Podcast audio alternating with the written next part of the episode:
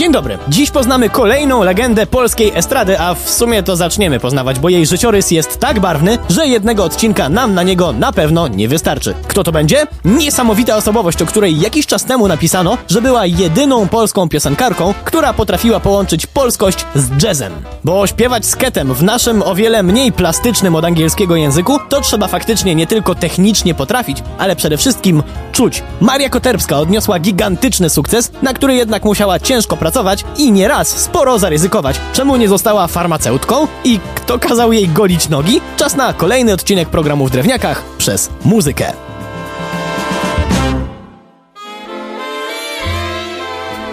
Pani Maria przyszła na świat w lipcu 1924 roku w rodzinie bezdyskusyjnie muzycznej. Jej ojciec był nie tylko świetnym kompozytorem, ale i skrzypkiem, natomiast mama wymiatała na fortepianie tak dobrze, że aż poderwała na swoje umiejętności ojca naszej dzisiejszej bohaterki.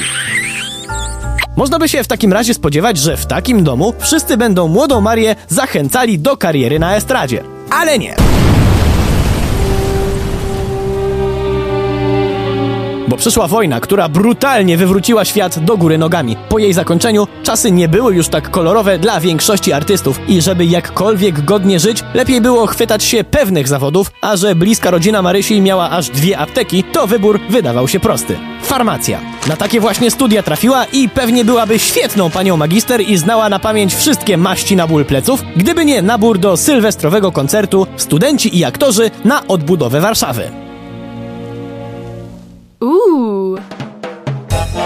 Młoda Marysia pomyślała, a co mi tam, i zgłosiła się na nabór. Dostała się i rok 1948 żegnała śpiewając w katowickim teatrze piosenkę Stary Młyn. Po tym wykonaniu wszystko się zmieniło. Zaraz po koncercie do Marii podszedł Lech Bursa, szef redakcji muzyki rozrywkowej w katowickim oddziale Polskiego Radia. To był poważny gracz i szanowana postać, jednak dla Koterbskiej nie aż tak bardzo jak człowiek, o którym Lech Bursa wspomniał. Powiedział dziewczynie, mi się występ bardzo podobał. Czy nie chciałaby pani kiedyś wpaść do nas do radia i zaprezentować się pewnemu człowiekowi? On u nas prowadzi orkiestrę. Nazywa się Jerzy Harald. Nie wiem, czy pani słyszała. Uuu. I w tym momencie młoda wokalistka prawdopodobnie dostała wytrzeszczu oczu. Bo Jerzy Harald to był dla niej jak Ronaldo dla młodego piłkarza albo Colin McRae dla zaczynającego karierę rajdowca. Niedoścignionym wzorem. Idolem. Pan Harald prowadził wtedy chyba najsłynniejszą w Polsce audycję Melodię Świata, której Maria była absolutną fanką i to właśnie dzięki temu programowi zakochała się w amerykańskim swingu. A teraz miała zaprezentować swój wokal panu Jerzemu. Drżącym głosem, ale bardzo szybko się zgodziła i nie.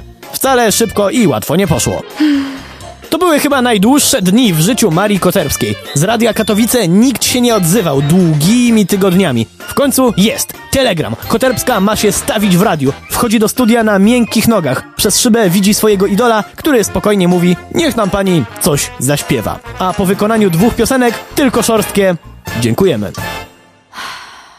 Maria wróciła zrezygnowana do rodzinnego Bielska i przez kolejne dni pewnie znowu godziła się z myślą kariery w aptece, aż tu nagle przychodzi kolejny telegram. Zapraszamy do radia. Jutro.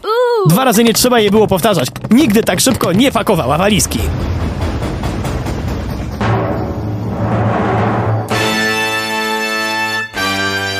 Nie mogła się doczekać, więc w radiu była już następnego dnia z samego rana. Jej idol, Harald, ze wzruszającą szczerością przekazał jej wtedy wspaniałe wieści. Od razu rzekła go swoim wspaniałym głosem, ale to nie koniec, bo zaproponował jej, żeby w jego ekipie od razu zastąpiła jedną z wokalistek, która się pochorowała. Maria była oczywiście zachwycona i pewnie nawet zadała pytanie w stylu no to kiedy zaczynam? I być może Harald odpowiedział coś w stylu no przecież mówiłem.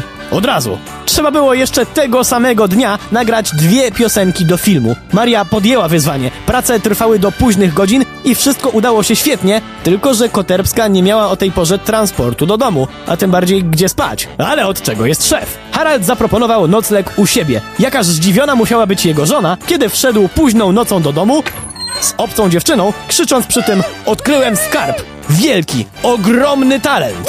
Po tak emocjonującym dniu Maria padła zmęczona, a rano obudziły ją dźwięki melodii wygrywanej na fortepianie. Kiedy nieco zawstydzona zapytała, co to za fajny kawałek, usłyszała, że to będzie pierwsza jej piosenka, a pani Eugenia, żona idola, która pisała teksty do jego utworów, dodała, nazywa się Brzydula i Rudzielec. Tak wyglądało pierwsze spotkanie z melodią, która odmieniła życie Marii Koterbskiej. Piosenka, która, jak sama twierdziła, w normalnym kraju zrobiłaby z ich trójki prawdziwych milionerów. Jednak o tym, jak potoczyła się dalsza kariera niedoszłej farmaceutki i jak system próbował ją ugrzecznić, no i kto kazał jej te nogi golić, bo dziś w końcu nie powiedziałem, to już historia na kolejny tydzień. Przy mikrofonie był Wojtek Drewniak. Do usłyszenia.